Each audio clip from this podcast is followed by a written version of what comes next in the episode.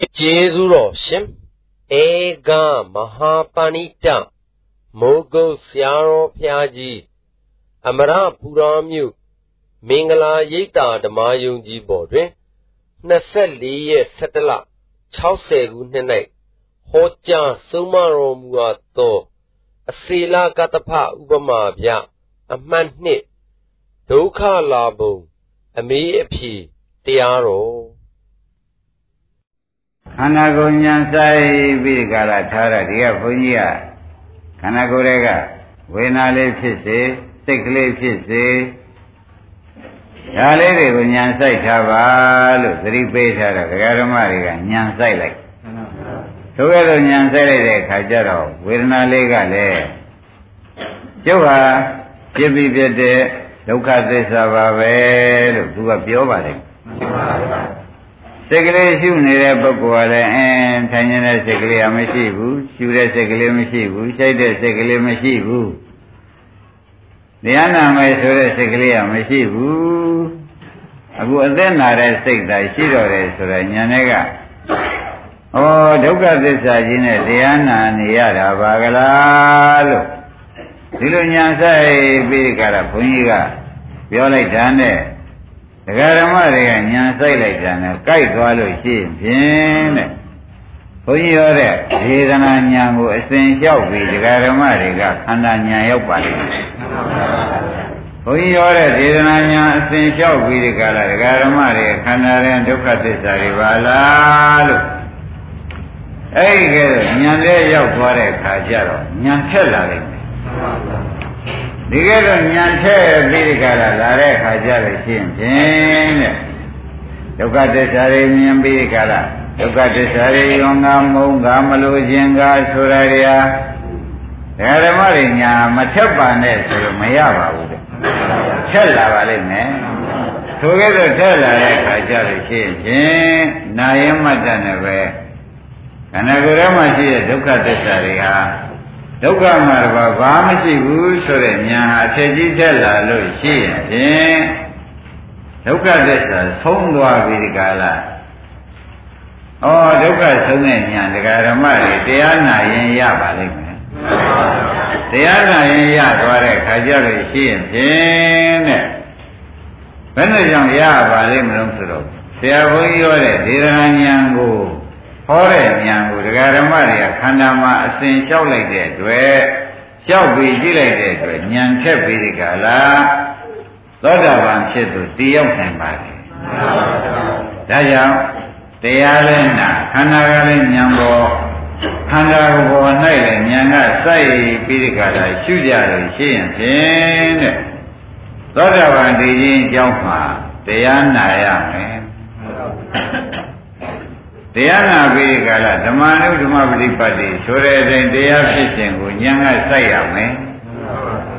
တရားလည်းနာတရားဖြစ်ခြင်းကိုဉာဏ်ကခန္ဓာကိုယ်ထဲမှာစိုက်လိုက်ပြီးသုမဖြင့်တဲ့တန်တရားဝိသိကိစ္စဒိဋ္ဌိတွေချုပ်ပြီးကာလဉာဏ်ထက်ခြင်းကြောင့်ဒိဋ္ဌိဝိသိကိစ္စချုပ်ပြီးကာလသောတပတ္တိမဲ့ဝင်လာလိမ့်မယ်သောတပတ္တိမဲ့ဝင်လာလို့ရှိရင်သောတပတ္တိဖို့ ပြစ္ဆကနာတွေဆင်ញင်းတဲ့စိတ်တွေလာပြီးဒီကလာဩကိုယ့်ဟာကိုသိသွားပါလိမ့်မယ်အဲဒီတော့ကိုယ့်ဟာကိုသိသွားတဲ့အခါကျတော့ဩငါဒီဒုက္ခထုတ်တဲ့နိဗ္ဗာန်မြင်ပါတော့လားလို့ဆိုလို့ရှိရင်ဖြင့်တဲ့ဒီနေ့ကမာနမင်းကြီးလျှောက်တယ်လို့မှတ်လိုက်တာဩငါရင်ငါတို့ဒီသားတွေကြာသမီးတွေကြာပစ္စည်းတွေကြာတဲ့မှာ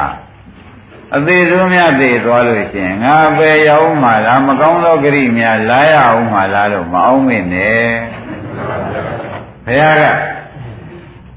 ဒကာကြီးအသားတွေရိုးတွေကသာကြည်လင်းတာတွေစာဖြစ်လိမ့်မယ်ဒကာကြီးသာနာရှိတဲ့ဥပဒနာဉာဏ်နဲ့သရသတိဝရိယပညာတို့ဟာကတော့ဟိုအထက်သို့သာဆံလိုက်မယ်လို့မဟုတ်ဘူးလားဟုတ်ပါဘူး နောက်ကြဒီဥပမာကိုနည်းနည်းလေးဘုရားခင်ကိုရမေကြီးကနဲတဲ့ထင်တယ်နဲ့သောဘအိုကွဲတဲ့အခါရေတဲ့သောဘအိုကွဲတဲ့အခါမှာသောဘသကဘယ်လိုပင်ရေတဲ့မြုပ်များတော်လဲတကားကျွဲတကားတစ်တို့ဥလာဘူးလို့မရဘူးပေါ့ရေပေါ်ပဲတက်လာတာတက်လာဘယ်လိုပဲမြုပ်မြုပ်ဘလောက်ကြီးပဲအိုးပါပဲမြုပ်သွားသွားကိုကြံပဲတွေသာရင်ရည်တဲ့နေရေဩသာရင်ရည်တဲ့နေ သောဘကတော့ပေါ်ပြန်တက်မယ်ထို့တူပဲတဲ့ခန္ဓာကိုယ်ကသာမြေကြီးဩဇာဖြစ်ရမယ်ဒကာဓမ္မတွေရှုထားတဲ့သရသတိဝိရိယပညာဉာဏ်တွေကတော့ပြန်နိဗ္ဗာန်ပဲသွားလိမ့်မယ်ဒါကြောင့်နိဗ္ဗာန်သွားတဲ့ဉာဏ်ဒုက္ခကတိန်ကင်းခြင်းနဲ့ဉာဏ်တကယ်တမ်းဒုက္ခကြောက်เสียကြီးဟာ ရှိနေတာကိုတကယ်တမ်းကြောက်ကြမယ်ဆိုရင်ဖြင့်ကိုယ့်ကိုယ်ကိုထောကဖြစ်အောင်လုပ်ရလိမ့်မယ်အပယ်လေးပါးနဲ့မူကြီးရုပ်သိမ်းချုပ်ငိမ့်ပြီးဒီကလာသုတိနိဗ္ဗာန်လေးဟူသော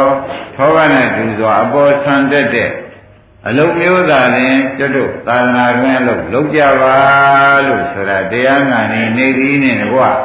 အသေးပါမကြောက်ရအောင်လို့မာနမင်းကြီးလျှောက်လို့ခရဖြေတာပါထပ်ပြန်ပြီးခါလာ ဒကာဓမ္မတွေအားသတိပေးလိုက်ပါတယ်ဒါကြောင့်ဒီကိဒီခါမြို့ဟာအမတမရှားပြီးဒီကလာနေတော့ခန္ဓာကိုယ်ထဲမှာကိုယ့်အဖြစ်ကိုကိုယ်ကိုယ်တိုင်သိပါစေကိုယ့်အဖြစ်ကိုကိုယ်ကိုယ်တိုင်ဉာဏ်နဲ့သိကြပါစေဆိုတော့ကိုယ့်အဖြစ်ကဒုက္ခသစ္စာကိုယ်ကိုယ်တိုင်သိတာကမဂ္ဂသစ္စာ ကိုယ်ဖြစ်ကကိုယ်ကိုယ်တိုင်သိတာကအဲ့ဒီမဲ့ရပြီဆိုမှဖြင့်သောဘဝလိုပဲတဲ့ခန္ဓာသာမြေထဲမြုပ်ရတယ်သရတိဝိရိယပညာတွေကဖြင့်နိဗ္ဗာန်ပဲသွားတော့တယ်ဒါကြောင့်အာလုံကရမတွေဩငါတို့ဒီကားလို့ဆိုလို့ရှိရင်ဖြင့်တရားနာရနာကနာပညာကခန္ဓာဆိုင်ပြီးကာလဒေသနာညာနာနုဿရိဏ ညာဏံပေသင်တတညာနုတရတဟောတိဒေသနာညာနာနုဿရိဏဆရာဘုန်းကြီးရောတဲ့ဒေသနာညာကိုခန္ဓာ၌သင်လျှောက်သဖြင့်ညာနာညာကိုပေသင်တတခန္ဓာပေါ်၌ဖြစ်တဲ့ရှုခိုင်းသဖြင့်ညာနုတရတထေသောသောတပတ္တိမိုက်ညာတိဟောတိဖြေလို့သေးသေးချာချာဟောပြီးထားသောကြောင့်ဒကာဓမ္မတွေကဘုန်းကြီးပြောတာကိုနားကထောင်းပြီးခန္ဓာက ညာကနေပြီးခန္ဓာစိုက်လိုက်ပါနော်စိုက်ရင်စိုက်ရင်နဲ့ပဲတခါလေဩဒုက္ခသစ္စာတွေပါလားဩဒုက္ခသစ္စာတွေပါလားလို့ညာကစိုက်မိပါလိမ့်မယ်စိုက်တဲ့အခါကျတော့ဒုက္ခသစ္စာမှန်သိတဲ့ပုဂ္ဂိုလ်ဒီဒုက္ခသစ္စာကိုသိသိခြင်းနဲ့ပိုက်ခြင်းနဲ့ဆွဲလန်းခြင်းနဲ့ဆိုတဲ့ကနာဥပါဒံတွေချုပ်ပါလိမ့်မယ်ဒိဋ္ဌုပါဒံတွေလည်းချုပ်ပါလိမ့်မယ်ထိုကဲ့သို့ချုပ်လို့ရှိရင်ဖြင့် ဒိဋ္ဌိဝိသေကိစ္စချုပ်တည်တဲ့ကြပြိုင်တဲ့ထဲ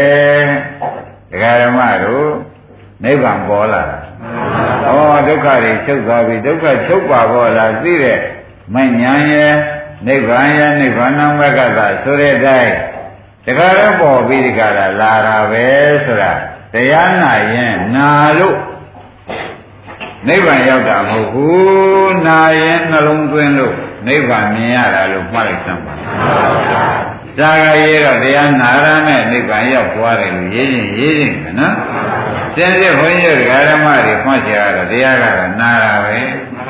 ကိုညာကနာတဲ့တရားကိုခန္ဓာရဲ့ဉာဏ်စိုက်လိုက်လို့ဖြစ်ဖြစ်ဒုက္ခသစ္စာတွေအမှန်မြင်လို့ဖြစ်ဖြစ်ဒုက္ခသစ္စာတွေအမှန်မုံလို့ဖြစ်ဖြစ်ဒုက္ခသစ္စာမှန်တကယ်သိတဲ့ဉာဏ်လာလို့ဒုက္ခဆုံးလို့နိဗ္ဗာန်ရောက်တာပါလားဆိုတော့နာလို့နိဗ္ဗာန်ရောက်တာကဝေသောကြောင့် ကိုယ်ကိုယ်ရဲ့ဆင်းရဲနိဗ္ဗာန်ရောက်တာကနီးသောကြောင့်ရှင်းနာရာကတော့နာခြင်းကြောင့်လေဒကာဓမ္မတို့ဆင်ញင်မှုပေါ်လာနာခြင်းကြောင့်လေဆင်ញင်မှုရှိမှုပေါ်လာရှိမှုပေါ်လာလို့လေဒုက္ခသစ္စာပိုင်ပိုင်နေနေသိလိုက်သို့ကဲ့သို့ပိုင်ပိုင်နေနေသိလိုက်တဲ့အတွက်လေဒုက္ခဒီကားလို့ဆိုမလို့ခြင်းနဲ့ဉာဏ်ကြောင့်သိရသိချုပ်လဲချုပ်ပြီးနိရောဓသစ္စာကြီးကပွားနဲ့ပေါ်လာတဲ့ နိရောဓသစ္စာကြီးကပွားနဲ့ပေါ်လာတော့ဩဒါဒီဒုက္ခပိုင်ပိုင်နိုင်နိုင်ရှုပွားလို့နိရောဓသစ္စာကြီးပွားနဲ့ပေါ်လာတာပါလားလို့ဒကာသိတဲ့ဒကာကျွဲလို့မှတ်ကြသို့ကဲ့သို့မှားလိုက်တဲ့အခါကျတော့တရားနာရကဝေသောအကြောင်းကိုယ်တိုင်ဆင်ញင်တာကမြည်သောအကြောင်း ဒါနိဗ္ဗာန်မြင်တဲ့နေရာပေါ့ဗျာတရားနာရကကိုယ်တိုင်ဆင်ញင်တာကအဲတော့ဝေသောအကြောင်းကလည်းနီးသောအကြောင်းကျေးဇူးပြုလို့နီးသောအကြောင်းကလည်းကိုယ်ပိုင်ရတဲ့အကြောင်းကျေးဇူးပြုပါတယ်ဆိုပြီးဒီကာလတရားကြိုးစားနာပါတရားကြိုးစားတာပြီးခန္ဓာကိုကြိုးစားပြီးဒီကာလဉာဏ်ဆိုင်ပါတပည့်တော်ဘယ်နဲ့ကြောင့်ခိုင်းရပါလိမ့်မလို့လို့ဆိုတော့ ဒကာဓမ္မတို့ခင်ဗျားတို့ကသားနဲ့သမီးနဲ့ဆွေနဲ့မျိုးနဲ့အယောင်းနဲ့အဝဲနဲ့ပြောပြောရှင်ရှင်နေသလောက်စိတ်မချရတဲ့သဘောကြုတ်မြင်တယ်ဖျားမြင်တယ်ဆိုတာကိုဒကာဓမ္မတွေသတိပေးရမှန်ပါဗျာခင်ဗျားတို့သားနဲ့သမီးနဲ့ဆွေနဲ့မျိုးနဲ့အယောင်းနဲ့အဝဲနဲ့ကားနဲ့စိန်နဲ့ကြောင်းနဲ့ဗမြားနဲ့သိုးသလိုနေကြများတော့လေဒီနေ့ကတမျိုး ဖူနာဖြစ်ရမှာကတမျိုးဆိုတော့ကောင်းပါမလားမကောင်းပါဘူးဗျာဒီနေ့ကတမျိုးဟိုနာဖြစ်ရမှာကတမျိုးဒီနေ့ကတော့ပြန်ပြုံးကရှင်တာမှန်ပါ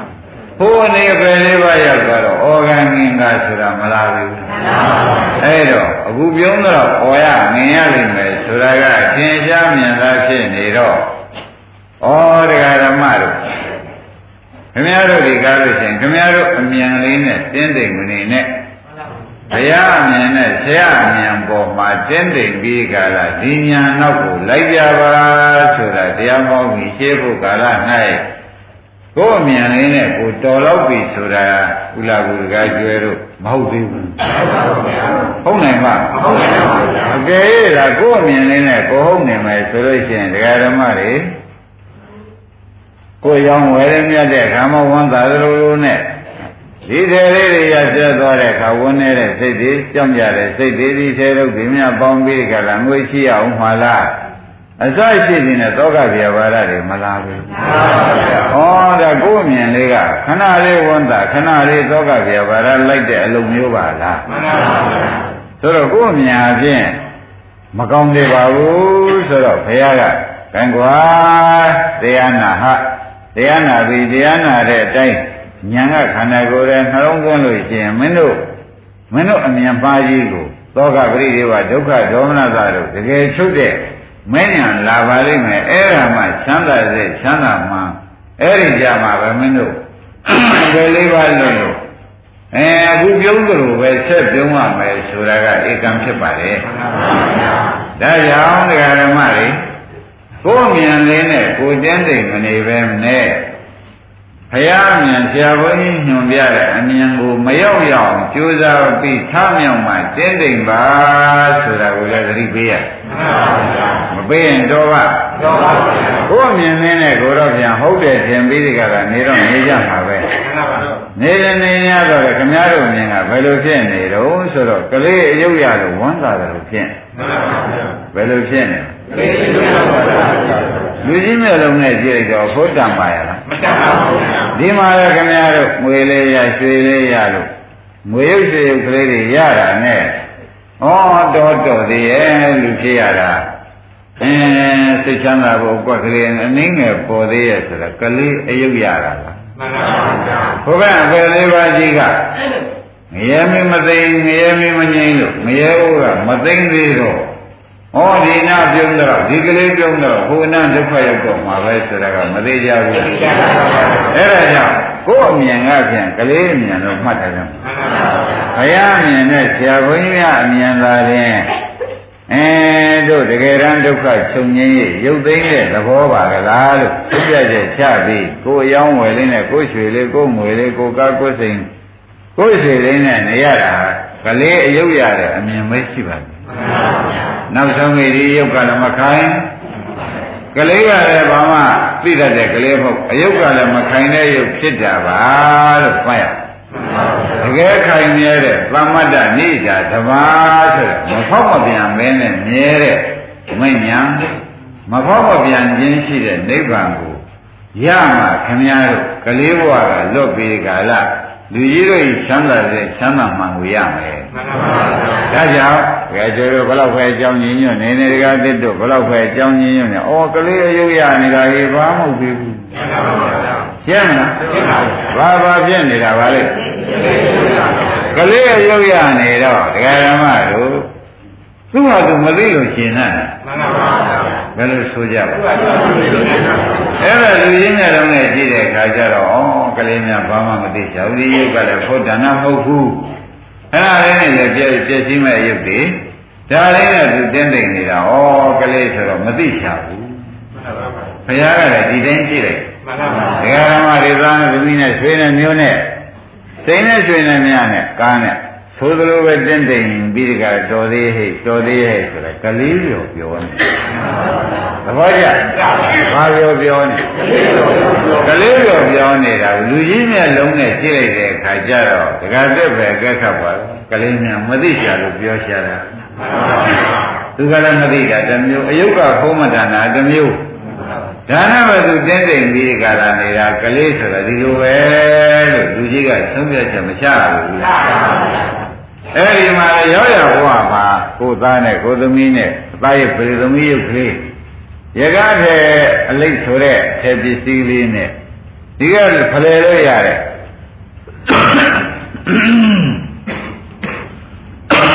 ရွှေငွေကြောက်တံပါများလေးနဲ့ပြောနေတဲ့ဆိုတာကလေးအယုတ်ရတယ်ပြောနေတာပါတကယ်လူကြီးစိတ်နဲ့ဆိုရင်ဒကာဓမ္မတွေပဲစဉ်းစားပါတော့မခိုင်ဘူးကမမြဲဘူးက ဘာမှခရီးမပေါက်သေးဘူးဟာဆိုတာမသိကြဘူးဒီကြည်ရမတန်နဲ့လက်ထဲရင်လည်းဆုံးရင်ဆုံးရှုံးရင်ရှုံးသွားတာတနည်းလူကဆွန့်သွားလို့ရှုံးမှဆုံးရတာရောအစိုးရကသိမ်းသွားလို့ဆုံးရရှုံးရတာရောအဲမိတွေကလောင်သွားလို့ဆုံးရရှုံးရတာရောဟောဒါတွေကမြဲတဲ့တရားမဟုတ်ပါလားမမြဲတဲ့တရားတွေနဲ့ပြောနေလို့ရှိရင်ကလေးပြောပါလားဘယ်လိုဆုံးဖြတ်လဲမ မြဲတဲ့တရားနဲ့ပြောနေတဲ့ဥစ္စာဘယ်သူကသာတယ်ဘယ်ဝါသာတယ်ဘယ်သူမှမသာဘူးတရားဓမ္မတို့အယုံနဲ့ပြောနေတဲ့ကလေးကြီးပဲဘယ်သူကသာတယ်ဘယ်ဝါကသာတယ်လို့သုံးပြချက်ချနေနဲ့အကကျွဲရကလေးပြောပြောနေတာကမှခိုင်မြဲတာနဲ့ပြောတာကမခိုင်မြဲတာနဲ့ပြောတာအဲ့ဒါကြောင့်ဒုက္ခအဆုံးမြင်တဲ့ဉာဏ်နဲ့မှပြောလိုက်ကြပါ ဒုက္ခအဆုံးမြင်တဲ့ဉာဏ်ကတော့သမ္မတ္တနေတာဓမ္မမဖောက်မပြန်ပဲနဲ့မြဲမဉဏ်ကတော့မဖောက်မပြန်ပဲနဲ့မြဲအဲမဖောက်မပြန်ပဲတဲ့မြဲတဲ့ဉာဏ်ရမှလူကြီးပြောပြောလိုက်စမ်းပါအပယ်လေးပါသိချရပြီဆင်းရဲမှုတွေကိုအနုကျွဝဲဘဝမှာလွတ်ပြီးဆင်းရဲတဲ့မျိုးသားသမီးဖြစ်မှလည်းသောတာပန်တည်နေတဲ့အတွက်မဖြစ်တော်ဘူးဆိုမှ ဩဓမ္မခိုင်မြဲတဲ့မဲ့ရတော့ခိုင်မြဲတဲ့အပြောဟာပြောလို့ကောင်းတယ်ဆိုတဲ့ဥစ္စာကိုအားလုံးတရားတော်ဘယ်လုံးကသုံးဖြတ်ချက်ကြပါမှန်ပါဗျာအခုပြောနေတာဘာပြောလဲဗျာက လေးဆိုတော့သိသလားမသိဘူးလားသိပါဘူးဗျာအယုတ်သူပြောနေတဲ့အယုတ်ကလေးအုပ်ပုတ်ကလေးတွေကလည်းဒကာဓမ္မတော့ဖို့တန်တာလားမတန်တာဩမသိတဲ့ပုဂ္ဂိုလ်ကမတန်တာနဲ့ပြောနေတယ်မှန်ပါဗျာဘယ်လိုဆုံးဖြတ်တယ်ချမသိတဲ့ပုဂ္ဂိုလ်မတဏ္ဍာနဲ့ပြောနေတော့လူချင်းမျိုးလုံးနဲ့ကြည့်ရတော့အမှန်တန်ကြီးကြကောင်းဒီမှာလည်းဖယားမျက်လုံးဆရာဘုန်းကြီးတွေမျက်လုံးတွေနဲ့သေချာကြည့်လိုက်တော့ ဩဒီကသစ်တို့ပြောနေတာဒကာဥလာဘူးလို့ပြောနေတာဒကာကျွဲလို့ပြောနေတာအားလုံးတရားနာကြတဲ့ဒကာဓမ္မတွေဒီနေ့တော့လည်းဒီသားဒီသမီးနဲ့ဒီသမင်းစားပြီးကြတာဒီကားလေးရှိလို့ဒီလိုပြောနေတဲ့အဓိပ္ပာယ်ဟာဘာပြောပါလိမ့်မယ်ဟာသက်ရတွေကလည်းကြီးတာတောင်သူတွေရဘုဒ္ဓမတာမခွဲရသေးပါလားမဲ့ညာနဲ့ပြောပါလား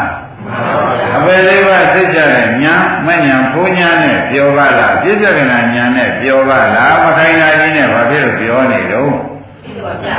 မသိတော့တော်ရကြကြတော့ပြောတော့ပြင်းရတယ်နော်ဒီတိုင်းမလာရဘူးအဲ့ဒါတွေကတိတို့အဲဒါကကျွယ်လို့လားဘူးတို့အသိဉာဏ်ရှိတဲ့ပုဂ္ဂိုလ်ကတော့ဩကလေးမိုက်မိုက်နေတာလူကြီးစိတ်မရှိသေးလို့ရှင်းဖြင့် သူတို့တွေကားလို့ရှင်ဖြင့်ဘယ်ကကာလမှာသောကကလေးတွေကငြိမ့်တဲ့နိဗ္ဗာန်ကြီးရောက်တော့မှာမဟုတ်ဘူးကလေးတွေနဲ့နေပြီးကလေးတွေသေတော့မှာပဲဆိုတဲ့အဓိပ္ပာယ်ကရောက်ပါရောက်ပါဘူးအဲ့ဒါကြောင့်ဆရာဘုန်းကြီးကခမည်းတော်မမြဲတဲ့တရားနဲ့မပြောဘဲနဲ့မြဲတဲ့နိဗ္ဗာန်မြဲတဲ့မဲ့ညာမြဲတဲ့ပူညာနဲ့မှမြဲတဲ့သီလနဲ့မှပြောကြပါအခုအချိန် လိုပါသေးတယ်ရအောင်လုပ်ပြီးမှပြောပါဆိုတဲ့ဥစ္စာကိုဥလာဘူးတိုက်တွန်းမှန်ပါဗျာရှင်းလားရှင်းပါဗျာကောင်းပြီဒါဖြင့်ဒီနေ့တရားပွဲမှာဗာရင်းများပြောပြီးဆရာဘုန်းကြီးရှေးပိုင်းကသုံးမနေပါလိမ့်မလဲလို့ဒကာဓမ္မတွေကအမဲထုတ်လို့ရှိရင်ဖြင့်မသိပြောပြောတဲ့အလုပ်ကိုဇာသိမ့်ပြီးဒီကာလကလေးပြောပြောတဲ့အလုပ်ကိုမခိုင်းသားရင်းနဲ့တွဲပြီးဒီကာလယာယီပြောကို အမြဲပြောရတဲ့ခြေနေရောက်တဲ့မညာဖူးညာကိုမရရအောင်လုပ်ကြပါဆိုတဲ့သဘောနဲ့တိုက်တွန်းတာပဲဆိုတဲ့ခြေပိုင်းမှာမှတ်ရမှာမှန်ပါဗျာမှတ်တကြမှတ်တပါဗျာကိုင်းလာပြန်ဓမ္မတွေခြေပိုင်းမှာတပည့်တော်ဗျာလူကြီးစိတ်နဲ့ပဲအပယ်လေးပါစိတ်ချရပြီးကာလ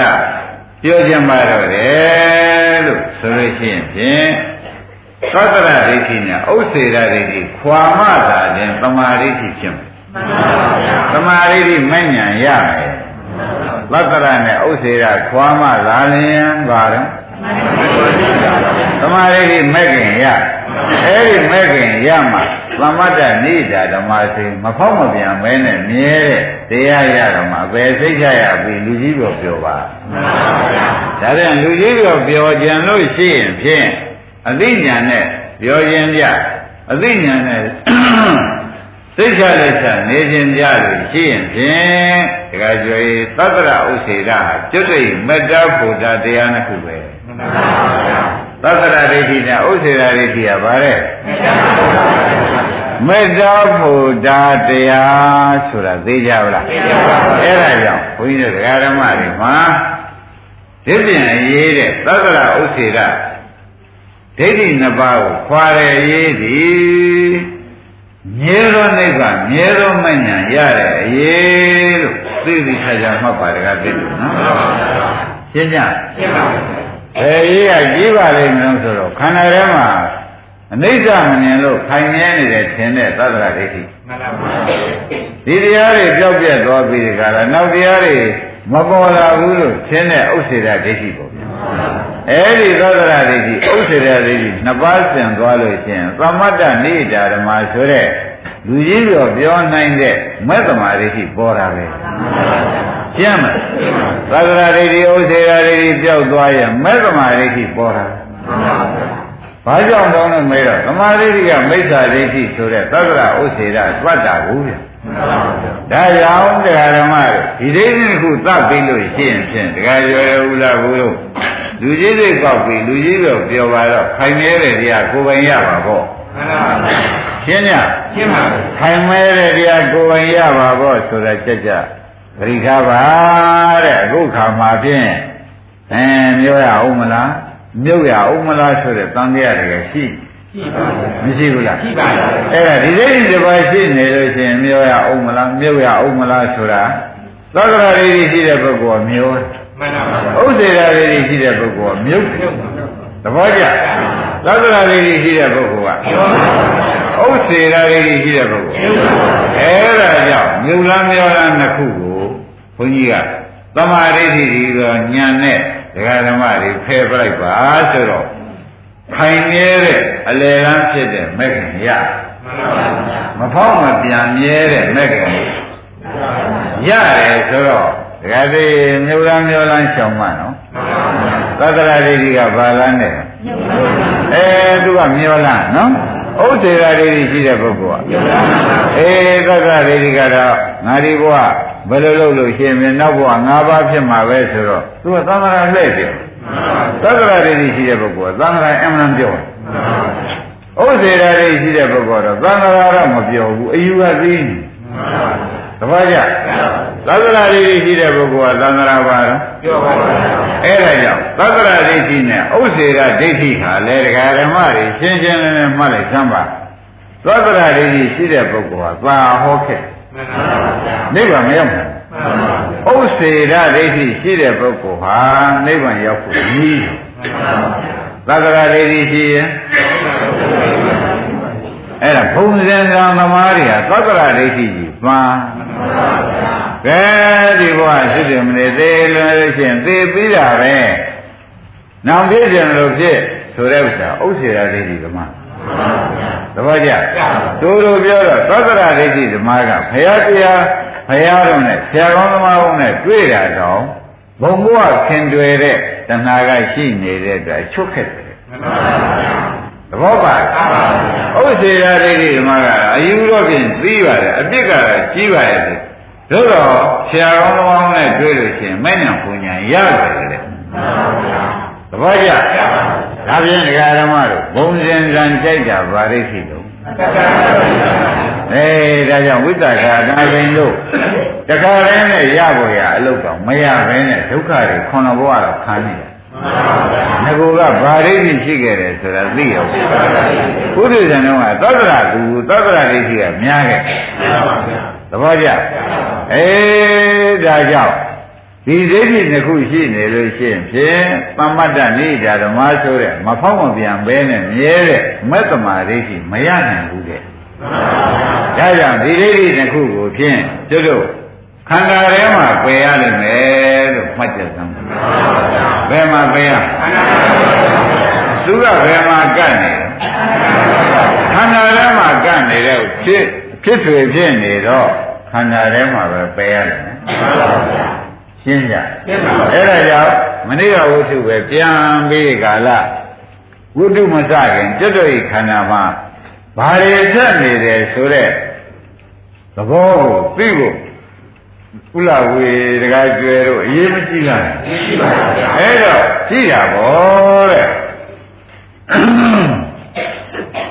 နောက်ဘဝကသစ္စာလေးပါးမသိတဲ့အဝိဇ္ဇာကြောင့်ဒီဘဝမှာကုသိုလ်တွေပြုပြီးဒီကလာပုံညာပိသင်္ခါရဆိုတဲ့ကုသိုလ်တွေပြုပါလေမှန်ပါပါအတိတ်ဘဝကနော်အတိတ်ဘဝကသစ္စာလေးပါးမသိခဲ့သောကြောင့်ကုသိုလ်ပြုတယ်ကုသိုလ်ပြုပြီးဘုံဘဝလိုချင်တဲ့ အပုံညာပိသင်္ခါရဆိုတဲ့တဏှာနဲ့ဆူတောင်းလိုက်တယ်ဆူတောင်းလိုက်တဲ့ခါကြလို့ရှိရင်ဖြင့်ခန္ဓာ၅ပါးဒုက္ခသစ္စာကြားတရားကြီးတခါကျတော့အခုရထားပြီရပါဘူးမရဘူးရပါဘူးတခါသိရထားတဲ့ခန္ဓာ၅ပါးမှန်ပါဘူးဘာသစ္စာပါဒုက္ခသစ္စာပါဩခန္ဓာ၅ပါးဒုက္ခသစ္စာတရားကြီးရထားတယ်နော်ဒီဒုက္ခသစ္စာတရားကြီးရထားတယ်ဆိုတော့နောက်ဘဝကမသိလို့ပြုခဲ့ကြတယ် ပြုခဲ့ကြတော့ဒုက္ခသစ္စာကြီးရမသိတာဝိဇ္ဇာပြုခဲ့တာသင်္ခါရရတာဒုက္ခသစ္စာသဘောကျမသိတာပြုခဲ့တာကအဲရတာကဟောတာပြစ္ဆုတ်ပံဘဝပါပဲတဲ့ဒကာရမတွေယခုရထားတဲ့ခန္ဓာ၅ပါးတရားနာနေတဲ့ခန္ဓာ၅ပါးသဘောကျ တရားနာတဲ့ခန္ဓာ၅ပါးကြီးကဘာသစ္စာပါလဲအဲဘယ်နဲ့ကြောင့်များရထားပါလိမ့်တော့တပည့်တို့ဒုက္ခသစ္စာကြီးဒီဘက်ခန္ဓာကလည်းဖောက်ပြန်ပြည့်စည်တဲ့ဒုက္ခသစ္စာဝိညာဉ်သံခန္ဓာကလည်းဖြစ်ပြဆိုတဲ့ဒုက္ခသစ္စာအကုန်လုံးဖြစ်ပြဒုက္ခသစ္စာကြီးကျွလို့ရထားတာဘယ်နဲ့ကြောင့်ရပါလဲမသိလို့ပြုခဲ့တာဗျာဝတ္တကုသိုလ်တွေပြုပြီးကြတာမတရားခြင်းစုတွေတောင်း ထိုကဲ့သို့တောင်းတာလေဘာဖြစ်လို့တောင်းရပါလဲမလို့ဆိုတော့သစ္စာမသိလို့ဘယ်သစ္စာမသိကြတော့မေးတော့ခန္ဓာ၅ပါးဘာသစ္စာလဲအဲ့ဒါကြီးကိုလူခန္ဓာကိုလည်းဒုက္ခသစ္စာမသိနတ်ခန္ဓာကိုလည်းဒုက္ခသစ္စာမသိမသိလို့ယခုဒုက္ခသစ္စာကြီးနဲ့သွားလာကြီးအတူတူနေရမနေရဘူးလားဒုက္ခသစ္စာကြီးနဲ့သွားလာကြီးအတူတူမနေရဘူးလားနေရရတယ်ဒကာဓမ္မတို့ အနာပေါက်လည်းဒီခန္ဓာကရင်ကလည်းဒီခန္ဓာကကောင်းကြိုက်လေအဲသောကြမရှိတော့ပူပြန်မယ်ချော်လဲပြန်လေအဲဒီခန္ဓာပဲကြည့်ပဲဆိုတော့မင်းတန်ဆိုတာသကိုးတန်သိမြန်တော့လေဒီခန္ဓာပဲသိရင်တော့ဘေးကယန္ကဝိုင်းတဲ့ခန္ဓာကြီးကိုတကယ်ကျွဲတို့ကျွတ်တို့ခမည်းတော်ရထားပြီဒါဖြင့်ဒီဒုက္ခသစ္စာကြီးတွေကများ ဘာတွေများပေါက်ပွားမလဲလို့မေးတော့ဩဒုက္ခမျိုးစေ့ကြီးစိုက်လို့ရှင်ရှေ့ဆက်ပြီးကြတာဒုက္ခစီဒုက္ခဝင်နေပဲပြီးလို့အကိုင်းခက်တွေဖြာဖို့ပဲရှိတယ်ဆိုတာညင်ဖို့လိုသေးတယ်။ဒါရင်ဒါဖြင့်ဒီခန္ဓာပါသစ္စာ။ဟောင်းပြီဒီခန္ဓာတဲ့ခန္ဓာ၅ပါးဖြစ်တော့သိနေတော့ဝေဒနာခန္ဓာလည်းပါပြီးသားဖြစ်သောကြောင့်ပြိဿသမုပ္ပါဒေနာတော်စဉ်းစားလိုက်တော့ဝေဒနာပစ္စယဘယ်နဲ့ တဏှာခန္ဓာ၅ပါးနဲ့ဝေဒနာပါနေ မပါဘူးလားဝေဒနာဖြစ်เสียဩဝေဒနာဖြစ်เสียတဏှာလို့ဘုရားကဟောလိုက်တော့ဒီကံကြီးကဘာသစ္စာဒီကံ၅ပါးကပေါ်ပေါက်လာတဲ့တဏှာကိုတော့ဘာသစ္စာဆိုကြမှာဩဒုက္ခပင်ကဒုက္ခသီးသီးပြန်တဏှာဖြစ်เสีย အဲဥပါဒံကလည်းတဏှာကဒုက္ခသစ္စာဖြစ်နေပြန်တော့တဏှာကြောင့်ဖြစ်တဲ့ဥပါဒံကလည်းဖြစ်တဲ့ကြီးကိုဗျဖြစ်တဲ့ဒုက္ခသစ္စာကြီးပဲဆိုတာသေချာမှတ်ပါတဏှာဥပါဒဥပါဒနာဖြစ်เสียကာမဘောဆိုတော့ဥပါဒံကဒုက္ခသစ္စာဖြစ်နေတော့သူကခိုင်းအကိုင်းခက်ကြားလာပြန်တော့ဘာသစ္စာအဲကာမဘောဖြစ်เสียတကားသိဇာတိဆိုပြန်တော့ အဲဒုက္ခကိုကဘာသစ္စာအဲသူကနေပြီးဒုက္ခသစ္စာနေအကိုင်းခက်ညွန့်နေဝေးလာပြန်တော့ဘာသစ္စာပါလဲဇာတိကနေပြီးဇာမရဏအကိုင်းခက်တွေဖြားလာပြန်ပြီတခါကျွဲတခါတစ်တို့ဥလာဘူးတို့ဘာသစ္စာတွေတော့ဧဝမေတ္တသကေဝလသဒုက္ခခန္ဓာသသမုဒယောဟောတိတရားလုံးဒုက္ခကြီးပဲမင်းတို့သေတာသေရောဒုက္ခကြီးပဲဒါဖြင့် ခန္ဓာကိုယ်ရဲ့ဘာပဲပေါ်ပေါ်ဘာသစ္စာဖတ်ကြရှိကဒုက္ခသစ္စာအကြောင်းဒုက္ခသစ္စာနဲ့အကျိုးဒုက္ခသစ္စာအကြောင်းဒုက္ခသစ္စာနဲ့အကျိုးဒုက္ခသစ္စာအကြောင်းခန္ဓာဒုက္ခသစ္စာကြောင့်အကျိုးတဏှာအဲဒုက္ခသစ္စာဖြစ်ပြန်တယ်အကြောင်းတဏှာသမုဒိယအကြောင်းတဏှာအဲဖြစ်ပြန်တာနဲ့အကြောင်းဒုက္ခသစ္စာဖြစ်ပြန်တယ်နဲ့အကျိုးဒုက္ခတွေဒီလိုကြီးဆက်မသွားဘူးလားဒါကြောင့်ဘုရားက ဒုက္ခခန္ဓာသသမုဒိယဟောဒီနောက်ကဖြစ်ခဲ့တာခန္ဓာစရဲကပြန်ကွာဘယ်တော့မှဒုက္ခရမညခဲ့ပါဘူးလို့သေသေးချာချာဟောဒါဖြင့်ဒကာဓမ္မတွေပဲစဉ်းစားပါတော့ခန္ဓာကြီးအစဉ်လျှောက်ပြီးအိုနာစေကြအောင်ဘာသစ္စာတွေများတန်းလာပါ ဝေရာဒုက္ခသစ္စာနေတော့ဒါရင်နဲ့နေတော့ဘာသစ္စာသေတော့ဒုက္ခဩတရားဓမ္မတွေသံဃာအမွေးဒုက္ခသစ္စာအနေဒုက္ခသစ္စာအသေးဒုက္ခသစ္စာနဲ့ပဲတဘောဆက်သိမ်းရတယ်တဘောကြအမွေးတုန်းကလည်းဘာနဲ့မွေးခဲ့ဟောခန္ဓာ၅ပါးနဲ့မိုးဖွားခဲ့ရ ဘာသစ္စာခန္ဓာ၅ပါးပေါက်ပွားတာတွေနဲ့တဏှာတွေနဲ့အလုတ်တွေလုတ်ကြပြန်တော့ဘာသစ္စာအဲရတာလေးဆွဲလာပြန်တော့လေဒုက္ခသစ္စာပဲသူ့ကြောင့်နဲ့သူ့ကျိုးပဲမဟုတ်လားအဲကာယကံဝစီကံနဲ့ပြောကြဆိုကြပြန်တော့အဲဒီကံတွေကြောင့်သူတည်မလေးသေးလုံးလို့အကျိုးပေးပြန်တော့ဇာတိဆိုတာကောရာမရဏဆိုတာကောဒုက္ခသစ္စာကြီးပဲဆိုတော့ ဩဒုက္ခသစ္စာဆိုတာတခြားလားမှတ်နေတယ်တရားဓမ္မတို့မွေးတဲ့ကဒုက္ခသစ္စာဝိပဿနာမညှော့သေးငါတို့ကံတာဒုက္ခသစ္စာကြီးပဲဝိပဿနာမကြသေးဒုက္ခသစ္စာတခါကျွယ်တို့သေချာမှန်သေချာကောင်းသမားကောင်းနဲ့ကလျာဏမိတ်တကလျာဏကောင်းတာမိတ်တအချွတ်ဆုံးမဆရာ ဒါနဲ့မတွေ့လို့ရှင်တခါသေးမွေးတုံးကဒုက္ခသစ္စာနေတော့ဒုက္ခသစ္စာဟုတ်လားသိပြီးတော့ဒုက္ခသစ္စာဩဒါဖြင့်ဒီပုဂ္ဂိုလ်ဘယ်တော့အန္တရာယ်ကင်းလို့ဘေးရှင်းသလိုဒါကြောင့်ဒုက္ခသစ္စာဆိုတာတခြားတော့မှတ်တယ်တပည့်တော်တို့သဏ္ဍာန်မွေးတဲ့ယုံနာငါစပြီးကြလားရှင်တဲ့ယုံနာနဲ့ဒုက္ခသစ္စာပဲဖြစ်သေးတဲ့ယုံနာလဲနောက်ဆုံးကလည်းတပည့်တော်တို့ ဒုက္ခသစ္စာနဲ့မွေးဒုက္ခသစ္စာနဲ့နေဒုက္ခသစ္စာနဲ့သိနောက်ဘဝကျတော့ဘာပြောင်းမှာတော့မေးပြန်တော့ကောဒုက္ခသစ္စာနဲ့မွေဒုက္ခသစ္စာနဲ့နေဒုက္ခသစ္စာနဲ့သေဥမှတော့ဘာရှိသေးဒါဖြင့်ကျွတ်တို့သဏ္ဍာန်ပေါ်လေသမျှဒုက္ခသစ္စာကြီးမှန်လားပေါ်လေသမျှယုံနာနေဘယ်လိုမှကြဒုက္ခသစ္စာကြီး လို့သုံးရချက်ချလိုက်စမ်းပါရှင်းမလားရှင်းပါဗျာတခုတော့အကြောင်းဒုက္ခပြီးအကျိုးဒုက္ခမပေါ်ဘူးလားပေါ်ပါပါအဲအကြောင်းဒုက္ခပြီးတော့အကျိုးဒုက္ခအဲနောက်တစ်ခါအကြောင်းဒုက္ခပေါ်ပြန်ဒါပြန်ကျွတ်တော့မှာဒုက္ခကြောင့်ဒုက္ခယုံနဲ့ပဲအချိန်ကုန်ခဲ့ရဘယ်လိုများဆုံးခဲ့တဲ့ဖြ တ်ညာနဲ့စဉ်းစားကြသမှာဘုရားကလည်းဒုက္ခခန္ဓာသာသမုဒယဟောတိဆိုတော့မင်းတို့မှာကွာဆရာတော်ဘာတော်ကြီးဟူသောကလျာဏမိတ်တနဲ့မတွေ့လို့ရှိရင်ဒုက္ခနဲ့မွေး၍ဒုက္ခနဲ့နေပြီးဒုက္ခနဲ့သိနောက်တစ်ပါးဒုက္ခကပြန်စတခါကျချမ်းသာရေးကိုအကွက်တစ်ဆက်မှမပါပါလားပါကြရဲ့ မပါဘူးဆိုတာသူတည်းသိကြပါလားသိကြပါဗျာအဲဒါဖြင့်ခန္ဓာကိုယ်ထဲမှာပေါ်သေးရုပ်ပဲပေါ်ပေါ်နာမ်ပဲပေါ်ပေါ်ဒကာဓမ္မတို့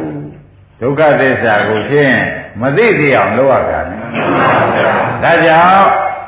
ရှေ့ကဒုက္ခအကြောင်းကြောင့်နောက်ဒုက္ခအကျိုးဖြစ် အဲ့ဒီအကျိုးကအကြောင်းတစ်ခါဖြစ်ပြီးတခါလားနောက်ဒုက္ခအကျိုးမလုပ်ဘူးလား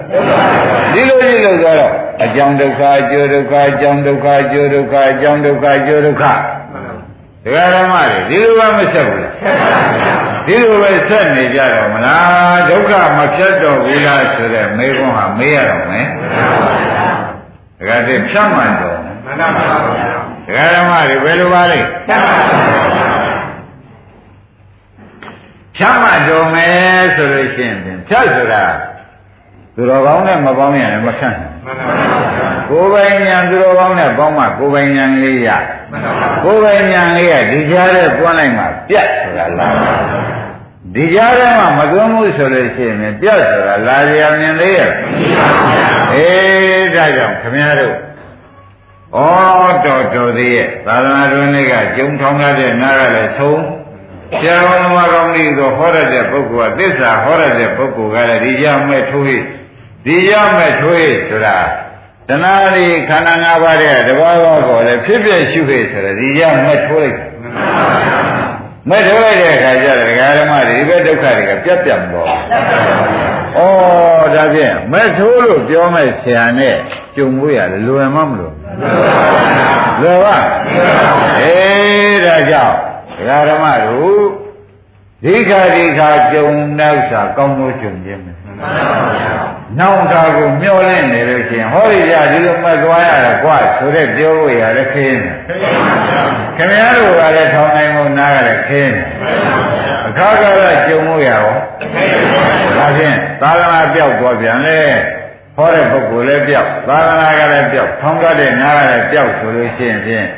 ဒုက္ခနဲ့မွေဒုက္ခနဲ့နေဒုက္ခနဲ့သိနောက်တစ်ခါစပြန်တော့ဒုက္ခနဲ့သိ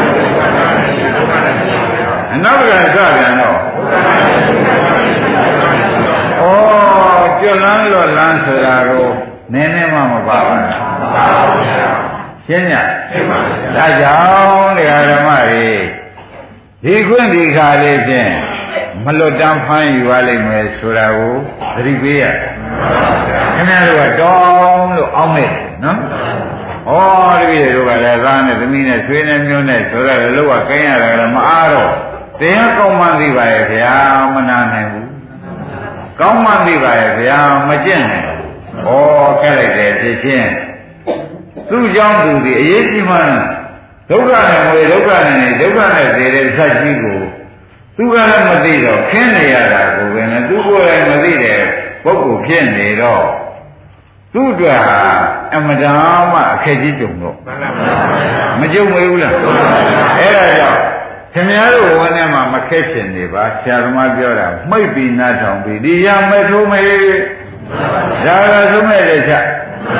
ရက်ကဘာကပြောပြောရွာကဘာကပြောပြောသာသမီကဘာပြောပြောခင်မမကဘာပြောပြော ဒုက္ခဒုက္ခနဲ့ငွေပြီးဒုက္ခနဲ့နေဒုက္ခနဲ့သေတာတဲ့ကြရှိတော့မဲ့မှထိုးခွင့်မရဘူးဒီကြားရဲ့ဖြတ်ခွင့်မရဘူးဆိုလို့ရှိရင်ဖြင့်ဘယ်နည်းနဲ့ဒီဒုက္ခရဲ့ကြီးဘယ်သူမှဖြတ်ပေးမှာမဟုတ်ဘူးအဲ့တော့ဘယ်သူကဘာပြောပြောဒီမဲ့နဲ့ဖြတ်တဲ့အလုပ်ဟာကိုယ်အရေးကြီးဆုံးအလုပ်ထဲတွန်းလိုက်မဲ့နဲ့ဖြတ်တဲ့အလုပ်ဟာကိုယ်အရေးကြီးဆုံးအလုပ်ထဲကိုတကယ်ကျွဲ ဘာမတန်လို့ကဘာပြောပြောသမီးတွေကဘာပြောပြောမင်းတို့ဘာပြောပြောငါနားမလဲဘူးကွာဒုက္ခနဲ့ဝေဒုက္ခနဲ့ဒုက္ခနဲ့သေတာကြာခဲ့ပြီကွာဒီမကလေးခုခါကြားတော့ရမယ်လို့ကလေးခုမှသိတယ်ဥစ္စာဒီကြားတော့လည်းပြနေတော့မယ်မပြပြအောင်ပြနေတော့မင်းတို့ပြောတာကိုကြီးပဲဘာမှသုံးမကြဘူးလို့တခါတည်းအော်ငေါက်ပြီးဒီကလာပြောဝင်လည်းပြောပေါ်ဗျာ မပြောဝင်လို့ရှိရင်လည်းသူတို့နဲ့ခွဲပြီးကိုယ်နေရနဲ့ကိုလုံနေရှင်းမလားလူစကားမှနားမတော်နဲ့ဒုက္ခကြားမှာမသွားတဲ့တရားတွေသာလင်ကိုယ်ဤဒုက္ခသိမ့်တဲ့အလုံးရှင်းမလားဒါဒါဖြင့်အစေတကကကကမဲလိုက်တယ်နော်မနေ့ကရှင်ကြီးတော်မှာဆုံးခံရမေး ဒုက္ခမိမိပြုတာလားလို့မေးတော့ဘုရားကဘယ်နဲ့ဖြေဟောတရားဓမ္မတွေကမဟုတ်ဘူးလို့ဘုရားဖြေတယ်ဘုရားဖြေတော့ခင်ဗျားတို့ကလည်းရှင်းပါတယ်တဲ့ဟောဒီခန္ဓာဒုက္ခကြောင့်ဟုတ်ပြီလားတဏှာဒုက္ခဖြစ်တဏှာဒုက္ခကြောင့်ဥပါဒဒုက္ခမဖြစ်ဘူးလားဒါနဲ့ပြိဿဘုရားဒီတော့အကြောင်းကြောင့်ဖြစ်ဒုက္ခဝိရိယဘုရားကြောင့်ဖြစ်တယ်အကြောင်းပြိဿဘုရားကြောင့်လို့ထည့်လိုက်ချင် ဒုက္ခဝိသေဘုရားကြောင့်ဖြစ်တယ်။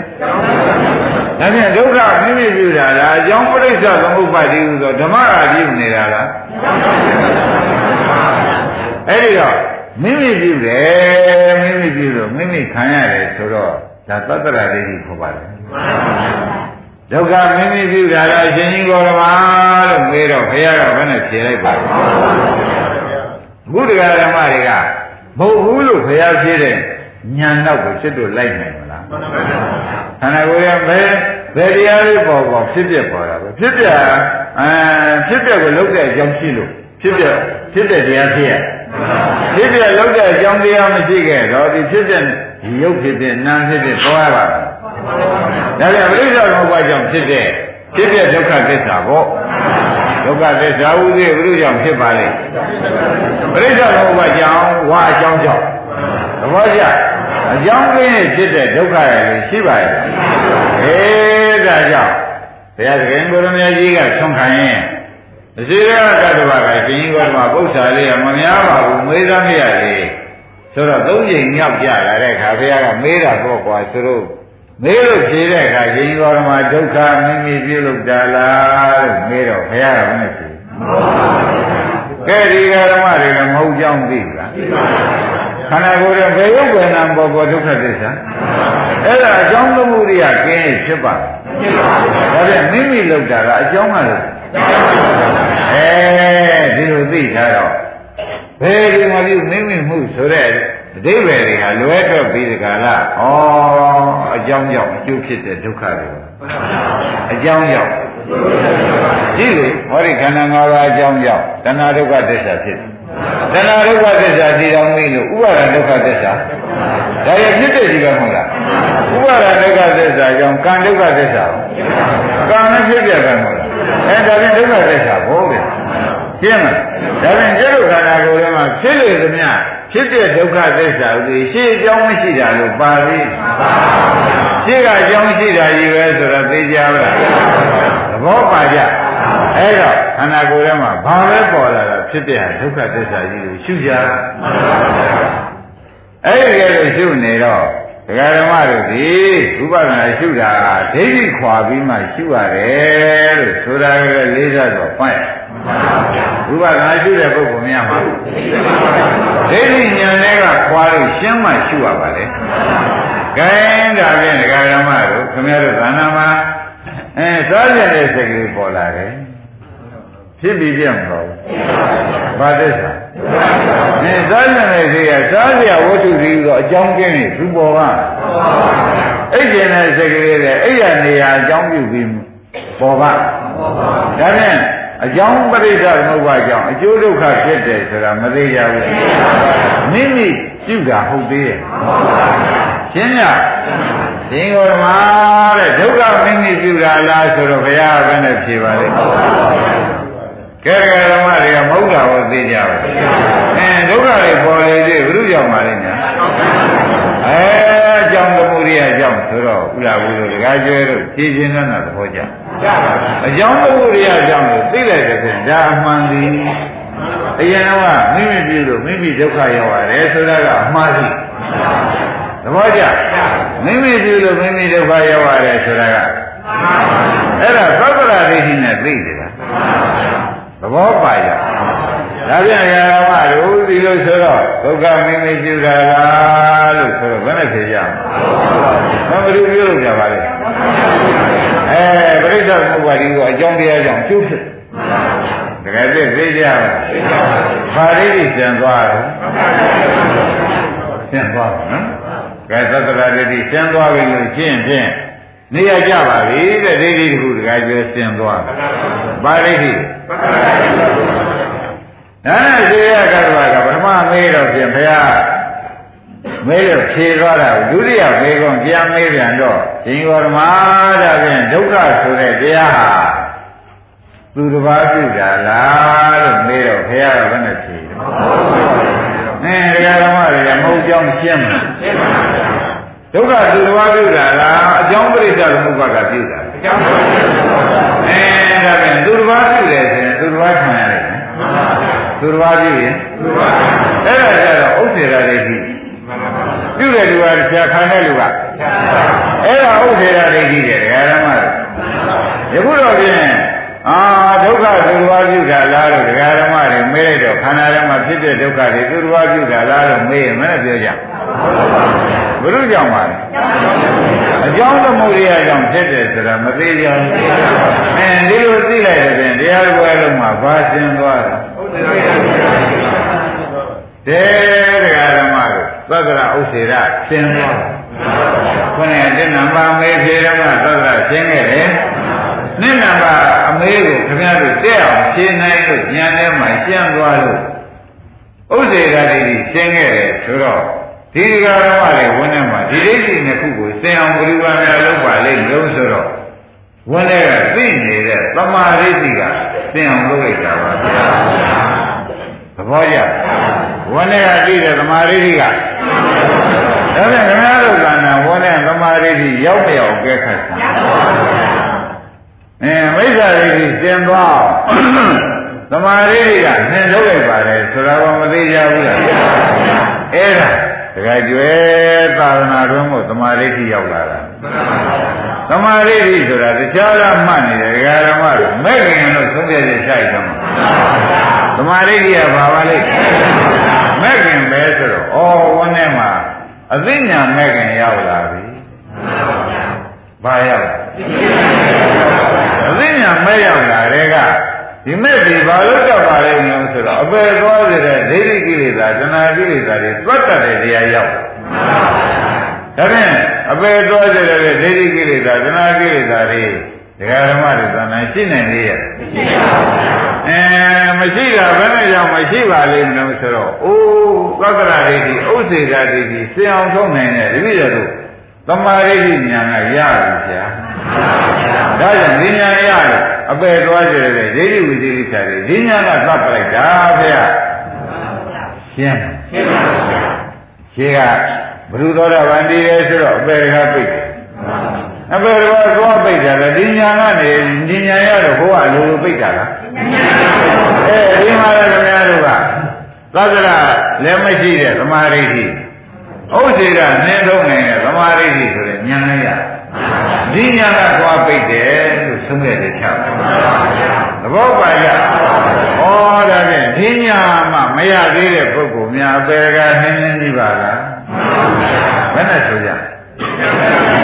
ဒီညာမရသေးတဲ့ပုဂ္ဂိုလ်ပြန်ပေကဟင်းနှင်းကြီးပွင့်နေတယ်ဆိုတာကကျွဲတို့ညင်းမနေနဲ့ရှင်းမလားရှင်းပါပါဒီညာမရသေးတဲ့ကာလပတ်လုံးဖြင့် အားလုံးတရားနာတဲ့ဓမ္မတွေကဩလူရန်ကြံနေသေးတယ်လို့မှတ်ပြီဘယ်လိုမှတ်ကြမလဲလူရင်းကြံနေသေးတယ်ဆိုတာသိချာမှတ်ပါ။ဒါရင်လည်းသောတာဥစ္စေတာရှင်းမလား။ဒုက္ခမင်းမိပြုတာလားဆိုတော့ဘယ်လိုပါပြီပါဒုက္ခမင်းသူတော်ဘာပြုတာလားတော့မေးတယ် ဘယ်လိုပါပြုတာအကြောင်းသမှုရိယကြောင့်ဖြစ်တာကြီးပဲသဘောကျအင်းသောတာဥစ္စေတာသိညပါအခုလျှောက်ထားနိုင်တဲ့ဉာဏ်လေးကသမာဓိဋ္ဌိလားမိစ္ဆာဒိဋ္ဌိလားသမာဓိဋ္ဌိဉာဏ်လေးရတော့သမာဓိဋ္ဌိကဘယ်လေးပါသွားပြီအဲမိစ္ဆာဒိဋ္ဌိကြောင့်ပယ်ကားပွင့်နေတာဟုတ်ဗျမိစ္ဆာဒိဋ္ဌိဆံသွားတော့ကိုယ်တခါတော့သမာဓိဋ္ဌိ ရောက်လာတော့သမာဓိဋ္ဌိကပယ်လေးပါတကားတွေတယောက်ပြီးတယောက်တော့ပြိတ်သွားတယ်နှစ်ယောက်သိရင်အဲသားသိရင်သားအတွက်ပယ်လေးပါပြိတ်သမီးသိရင်ဆွေမျိုးသိရင်အဲတော့ဒါတွေကတော့ဖြင့်ကိုယ်ညာနဲ့ကိုတော်လှန်ရတာလို့မှတ်လိုက်ပါဘယ်လိုမှတ်ကြ မိစ္ဆာဒိဋ္ဌိကိုတဲ့ကိုယ်သမာဓိဋ္ဌိညာနဲ့ကိုတော်လှန်မှရပါတယ်သူများကပယ်လေးပါးတကားပိတ်ပေးလို့မရပါဘူးသူများကပယ်လေးပါးတကားပိတ်ပေးမယ်ဆိုရင်ဘုရားခင်ကိုရမကြီးလူပြည့်စဉ်ကာရမသုဘဝုဒ္ဒဆိုတာသူရောက်မှာပါအပယ်လေးပါးသူရှိရင်ကြာတော့ပိတ်နိုင်ရတာသူမျိုးတော့ရတော်ရအဖေပဲအမှန်ကြီးတတ်တာပဲတို့တော့ပိတ်ပေးနိုင်အဲဘုရားမှာအပ ယ်လေးပါးတကားလွတ်သွားတာသူ့ဘုရုပိတ်ပေးပါလိမ့်မလို့မေးမနဲ့ပြောကြသူ့သမာဓိညာကသူ့ပိတ်တယ်ဟိုတားမရတာသူ့သမာဓိညာကဟိုသုဝဘုရားကိုသွားပြီးမတားနိုင်ရှင်းကြအဲ့ဒါကြောင့်ဘုန်းကြီးတို့ဓမ္မတွေကိုယ်လုံးကကိုရတဲ့သမာဓိတိသူများပေးလို့ရတယ်သမာဓိတိကိုမယူလိုက်ပါ သူများကနီးပေးတာပဲရမှာပွားယူရမှာကိုယ်တိုင်ယူရမှာဆိုတာသိချာမှတ်ပါရှင်းပြီနော်ဒါနဲ့လည်းစေတမကတ္တဗကလေးခွန်းသောစကားမေးနော်နှခုံးပြီးသွားရှင်းတော်ပါတဲ့သုံးခုမြောက်မေးပြရတယ်ဒုက္ခမိမိသူတစ်ပါးနှစ်ဦးသားပြုလို့ဖြစ်ရတာလားဘုရားကဘယ်နဲ့ဖြစ်အဲ့တော့ဒီကဓမ္မတွေကဘယ်နဲ့သမာဓိနဲ့ဘယ်လိုဖြေကြမလဲ အကြောင်းကြောင့်ကျိုးဖြစ်တာအကြောင်းမှုတွေအကြောင်းကျိုးဒုက္ခပေါ်တာဆိုတော့မိမိသူတော်ဘာနှစ်ဦးသားဟုတ်သေးရဲ့ဒီတယ်မိမိရောပါသေးတယ်သူတော်ဘာရောမပါပါဘူးတဲ့မိမိသူတော်ဘာနှစ်ဦးသားပြုတာလုံးဝမဟုတ်ပါဘူးဆိုတာသုတ်တဲ့ဆိုင်ရှင်းပြီနော်ဒါနဲ့အသေးရကတ္တဗကမေးပြန်တယ်လေးခုမြောက်ပု္ပ္ပာရှင်ကောဓမာတဲ့ဒုက္ခအလိုလိုပေါ်တာလား ရှင်းမဒုက္ခအလိုလိုပေါ်တာလားဆိုတော့ဒကာဓမ္မတွေဘယ်နဲ့ဖြေကြပါ့ဘယ်နဲ့ကြောင့်ဒုက္ခပေါ်ပေါ်လာပါလဲအေးအကြောင်းပရိစ္ဆေသမုပ္ပါကြောင့်အကျိုးဒုက္ခဖြစ်တာပဲဆိုတော့ဒီဃာဓမ္မတွေမှာသမာဓိဉာဏ်ဝင်ပြီးရကြပြီလို့ဆိုနေတယ်အဲ့ဒါမဖောက်မပြန်မဲနဲ့မြဲတဲ့ဉာဏ်ဖြစ်အောင်လုပ်ရတယ်အခုအသိဉာဏ် အခုအသိဉာဏ်ကတော့ဥပဒနာဉာဏ်ပေါ့ဗျာပွားများလို့ရတယ်ခါသစ္စာသိတဲ့သစ္စာပိုင်းပိုင်းနဲ့သိတဲ့ခါကျတော့မက်သမာဓိအစ်စ်ပြောင်းလုပ်လို့ရှင်းတယ်မြဲတဲ့ဉာဏ်ရပြီအဲ့ဒီချိန်ကျမှလူကြီးပြုံးပြုံးမှာတော့သဘောပါလားဒါနဲ့ပဲလေးချက်ပြီးသွားတယ်နော်ဒါနဲ့ရှင်ဘောရမတဲ့ခုလေးချက်ကြုံနေပြီတဲ့မဟုတ်ဘူးကြီးပဲဖြေတယ်ဆိုတော့ရှင်ဘောရမဟာချုပ် စွဲချက်တင်နေတယ်တဲ့ဒုက္ခမရှိဘူးလားလို့မေးတယ်ဘုရားကလည်းဖြေတယ်မရှိကောင်းမရှိဘူးလားခင်ဗျားတို့ခန္ဓာကိုယ်ရဲ့ဘာပေါ်ပေါ်ဘာသစ္စာတွေဟောခင်ဗျားတို့ကတော့သမာဓိရတယ်ဒုက္ခကြီးပဲဆိုတာသိဖြစ်ပြဝိသေဘာသစ္စာသင်သိနေကြတာပဲဆိုတော့သမာဓိကိုယ်ပိုင်ရကြသဘောကျ ဒါနဲ့ရင်ကောဓမ္မတဲ့၆ခုမြောက်မေးရလျုံလို့ဒုက္ခကိုရှင်ရင်ကောဓမ္မမသိဘူးလားဆိုတော့ရှင်ရင်ကောဓမ္မကဘယ်နဲ့ဆိုသိတာဘောဒီကိုယ်လုံးဒုက္ခသစ္စာဒီငါရဓမ္မတွေခန္ဓာကိုယ်ထဲမှာဘာဖြစ်ဖြစ်ဘာသစ္စာဖြစ်ပြမှာကဘာရှိသေးသဗ္ဗေသင်္ခါရဒုက္ခမှာကဘာရှိသေးအဲဒုက္ခသစ္စာကြီးရှိတယ်ဆိုတာသိနေတော့ခမည်းတော်ယနေ့သမာဓိကြီးရ မှန်ပါဗျာဘယ်လိုကြောင့်ဒီသမာဓိကြီးရပါတော့ဆိုတော့သက္ကရာဒိဋ္ဌိလည်းကျင်းသွားတယ်ဥစ္စေရာဒိဋ္ဌိအဲအကြောင်းလို့ပိဋကကနေတဲ့အာယတုကဒိဋ္ဌိကောကျင်းသွားတော့ဒိဋ္ဌိစင်တာဒီတခုသောတရားဥမာမဲ့ဂုံညင်းပြည့်တဲ့ကလေးတွေကြည့်လိုက်တော့တခုသောဂုံညင်းကပြည့်လိုက်တဲ့အခါကျတော့တခုသောဂုံညင်းမှန်လို့ရှိရင်ဟိုဂုံညင်းတခုက အမှန်ကားတဲ့ဂုံညင်းကရှင်းမတော်ဘူးဘယ်နဲ့ရောက်ရှင်းသွားတော့ပထမဂုံညင်းဒီနေရာရောက်လာလို့ဒုတိယဂုံညင်းစင်ထွက်ပြေးရတယ်ဆိုတဲ့အဓိပ္ပာယ်မျိုးမြင်မှုလို့ပေါ့ရငကူကသက္ကရာဒိဋ္ဌိဥစ္စေရာဒိဋ္ဌိတခုခုကဝန်းထဲမှာရှိတယ်အခုတော့ပရိစ္ဆေသမုပ္ပါအကြောင်းကြောင့်အကျိုးဖြစ်တဲ့ခန္ဓာကြီးဖြစ်တဲ့ခန္ဓာကြီးတို့သိနေတဲ့ဉာဏ်လေးဟူသောဒုတိယဂုံဉာဏ်ရောက်လာတာနဲ့ ပရမဂုံရင်းနဲ့တူတဲ့မိစ္ဆာဒိဋ္ဌိတွေအကုန်ပြေးတယ်သဘောကျမိစ္ဆာဒိဋ္ဌိတွေအကုန်ပြေးတော့ဩငါပြေပါဖြစ်အောင်မှာတော့မမင်းနဲ့ငါသမာဓိဋ္ဌိဓမ္မဖြစ်ပြီကွာဖြစ်တာကသမာဓိဋ္ဌိကသာနာကံသမာဓိဋ္ဌိဟေဘယ်လိုဆုံးခဲ့ချာသာသနာ့သမာဓိဖြစ်ပြီးကြတာနေတော့သာသနာ့ဘဆိုတဲ့ကာမတရသမာဓိမဟုတ်ဘူးဟာ သစ္စာအနုလောမသမာဓိဖြစ်ပြီလို့ခင်ဗျားတို့ပြုံးပါရှင်းမလားအဲ့ဒါကဝိပဿနာသမာဓိကိုယနေ့ပြီးတော့လက်ဖြင့်ကြမှာမဲ့သမာဓိဟောမယ်ဒီပုဂ္ဂိုလ်နဲ့ဒီဝတ္ထုပဲယနေ့တော့နိုင်သိသွားပြီ။ကျန်ကြောကြအောင်လို့10